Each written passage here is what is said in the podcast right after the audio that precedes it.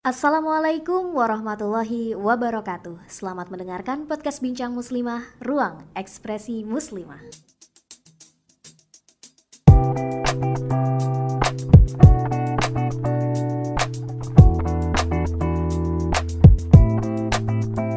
Assalamualaikum warahmatullahi wabarakatuh.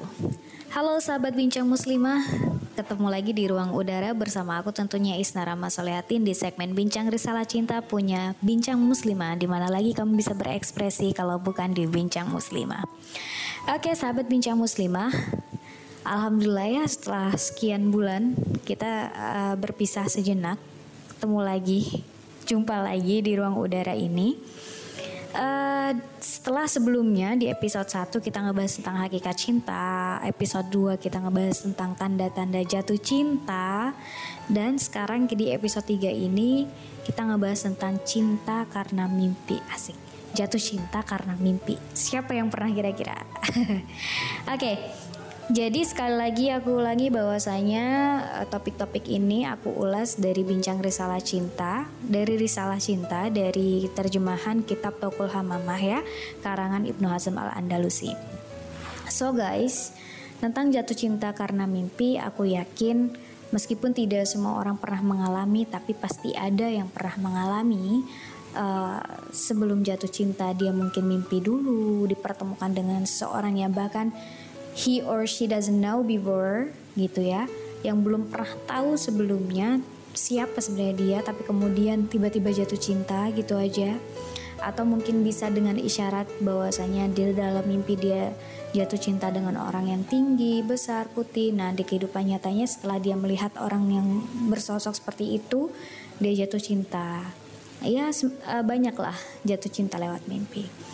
Nah, seperti apa sih sebenarnya jatuh cinta lewat mimpi ini berdasarkan perspektif Ibnu Hazm Al-Andalusi gitu. Jadi kalau di buku ini itu diceritakan bahwasanya suatu hari Ibnu Hazm Al-Andalusi itu mm, pergi ke rumah sahabat beliau yaitu Abu Sari Ammar bin Ziyad, mantan hamba saya Al-Muayyad. Nah, waktu berkunjung ke rumah sahabatnya ini, Ibnu Hazm melihat sahabat itu kayak galau gitu lah kalau bahasa kita ya kayak resah, gundah, gulana, kayak ada yang lagi dipikir dalam. Nah, sebenarnya kenapa sih kok Abu Sari ini uh, mengerutkan kening terus kayak ada yang dipikir gitu kan? Sampai akhirnya Ibnu Hazm Al-Andalusi itu uh, tanya, beranikan diri untuk tanya kepada sahabatnya. Nah, akhirnya kenapa gitu kan? Sahabatnya ini menjawab, aku tuh punya sebuah pengalaman aneh loh yang belum pernah aku dengar dan belum pernah aku rasain sebelumnya. Gitulah kalau bahasa kita.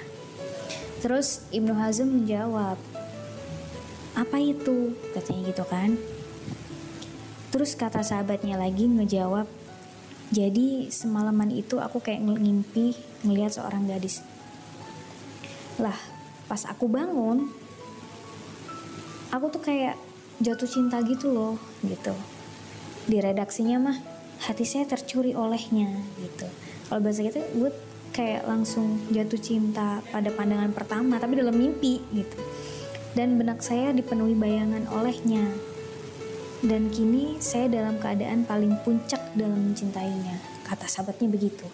Jadi kayak bener-bener apa ya, begitu setelah mimpi tuh, uh, langsung tuh kayak memuncak gitu ya perasaannya terhadap gadis yang ada di mimpi ini tadi.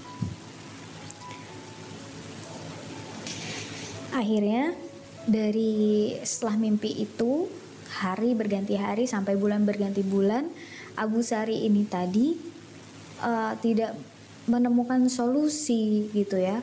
Jadi tetap galau gundah dan ya layaknya orang yang kalau misalkan depresi karena jatuh cinta kali ya. Mungkin pernah kan pernah kali ya ngerasain uh, kayak gitu gitu kegalauan uh, jatuh cinta tapi tidak terungkap kan dan tidak tahu nih aku harus ngungkapin ke siapa mungkin gitu akhirnya melihat sahabatnya yang gan, apa gundah tadi, yang galau tadi, uh, akhirnya Ibnu Hazm tuh kayak ngedatengin terus nyapa lagi lah gitu kan. Uh, dibilang lah sama Ibnu Hazm uh, begini, sungguh sebuah kesalahan yang sangat besar kalau misalkan kamu tuh disibukkan dengan sesuatu yang tidak nyata dan Buat apa kamu gantungkan harapan kamu itu kepada sesuatu yang tidak ada wujudnya? Apakah kamu tahu tentang siapa gadis itu? Begitu tanyanya Ibnu Hazm kepada sahabatnya. Terus kata sahabatnya itu kata Abu Sari tadi dijawab, Wallahi la, demi Allah aku tidak tahu siapa sebenarnya gadis itu. Nah akhirnya Ibnu Hazm kembali mengatakan, uh, kembali menasehati temannya ini. Sampai akhirnya Ibnu Hazm kembali menasehati sahabatnya ini. Menasehati bahwasanya sebenarnya Abu Sari, ini ini pakai bahasa aku sih teman-teman ya. Sebenarnya Abu Sari, apa yang kamu pikirkan terhadap gadis itu adalah datang dari pikiranmu yang lemah. Ya, terlalu banyak uh, hayalan-hayalan dan terlalu banyak bayangan-bayangan. Kamu sungguh sangat disayangkan ketika kamu jatuh cinta pada orang atau pada perempuan yang tidak pernah sama sekali kamu tahu apakah wujudnya itu ada atau tidak. Kalau misalkan kamu suka pada satu hiasan dinding saja, kamu sampai bosan suka terhadap hal itu, mungkin orang di sekeliling kamu termasuk saya bisa memaklumi. Tapi ini tidak begitu kata kata Ibnu Hazm.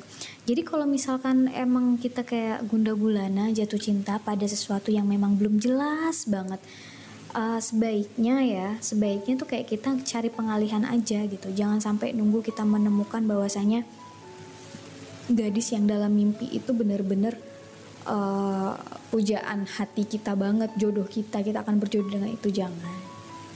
Jangan jangan apa ya? Jangan terlalu memikirkan itu gitu. Pun begitu dengan teman-teman yang perempuan misalkan memimpikan sosok laki-laki yang gagah besar dalam mimpi itu dan tidak tahu itu sebenarnya siapa uh, lebih baik uh, langsung cari pengalihan bahwasanya itu hanyalah mimpi gitu ya. Itu hanyalah mimpi gitu. Karena mimpi itu kan seperti halnya kita tahu mimpi itu adalah bunga-bunga tidur aja. Dan itu biasanya datang dari pikiran-pikiran kita dari hayalan-hayalan kita yang memang kita tidak tahu seperti apa kebenarannya begitu. Aku juga pernah sih ngeliat film gitu. Ada film dari Inggris ya. Kayak ya tentang percintaan gitu.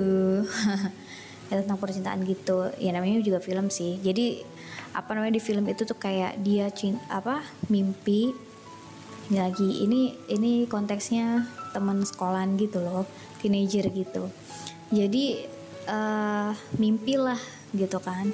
Mimpi anak ini tentang temennya bla bla bla bla bla sampai kemudian di kemudian harinya besoknya nih langsung nih si bocah ini datengin temen yang ada di mimpinya dan menyatakan cinta. And do you know what akhirnya temennya yang dinyatakan cinta tadi menolak karena kok kenapa orang tiba-tiba gitu. Dan ini mungkin bisa dijadiin contoh juga sih, artinya tidak semua yang dalam mimpi itu akan bakalan jadi kenyataan juga gitu loh. Jadi ya gitu, apa ya, mimpi itu dipengaruhi juga dengan pikiran dan bayang-bayang kita, hayalan kita. So hmm, mungkin kalau besok-besok atau ada yang pernah mengalami gitu kan mungkin ini bisa jadi pelajaran juga sih buat kita jadi menurut Ibnu Hazm nih kejadian yang seperti itu selain dari pikiran, selain dari hayalan itu juga dari datang dari bisikan jiwa, dari kebingungan uh, kita juga gitu loh.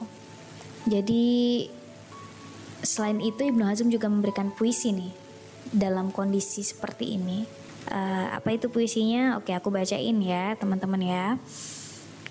Duhai puisiku, mungkinkah ia bintang? Ataukah ia cahaya mentari? Ataukah ia rembulan? Kusangka ia akal yang tampak kala bertadabur. Atau gambaran ruh yang ditampilkan fikir bertafakur. Atau bayangan dalam jiwa yang muncul dari angan-angan belaka? Sungguh, akal dan pikiran nyaris tak bisa menangkapnya. Ataukah ia bukan itu semua? Ia hanyalah fenomena yang menjadi sebab hadirnya takdir belaka. Nah, guys, jadi kalau misalkan besok lagi mimpi nih sosok-sosok yang belum memang kita ketahui, nggak usah dipikir mendalam, lebih baik kita take a deep breath ya, kita ambil nafas yang panjang, ketika bangun kita hempaskan, karena belum tentu siapa yang ada dalam mimpi itu adalah jodoh kita.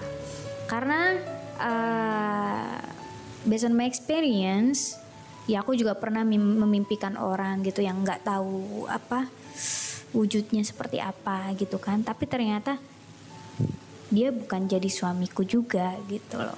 So uh, buat teman-teman yang ada di fase ini uh, kalau misalkan mimpi ya nggak usah terlalu difikirkan banget lah gitu ya.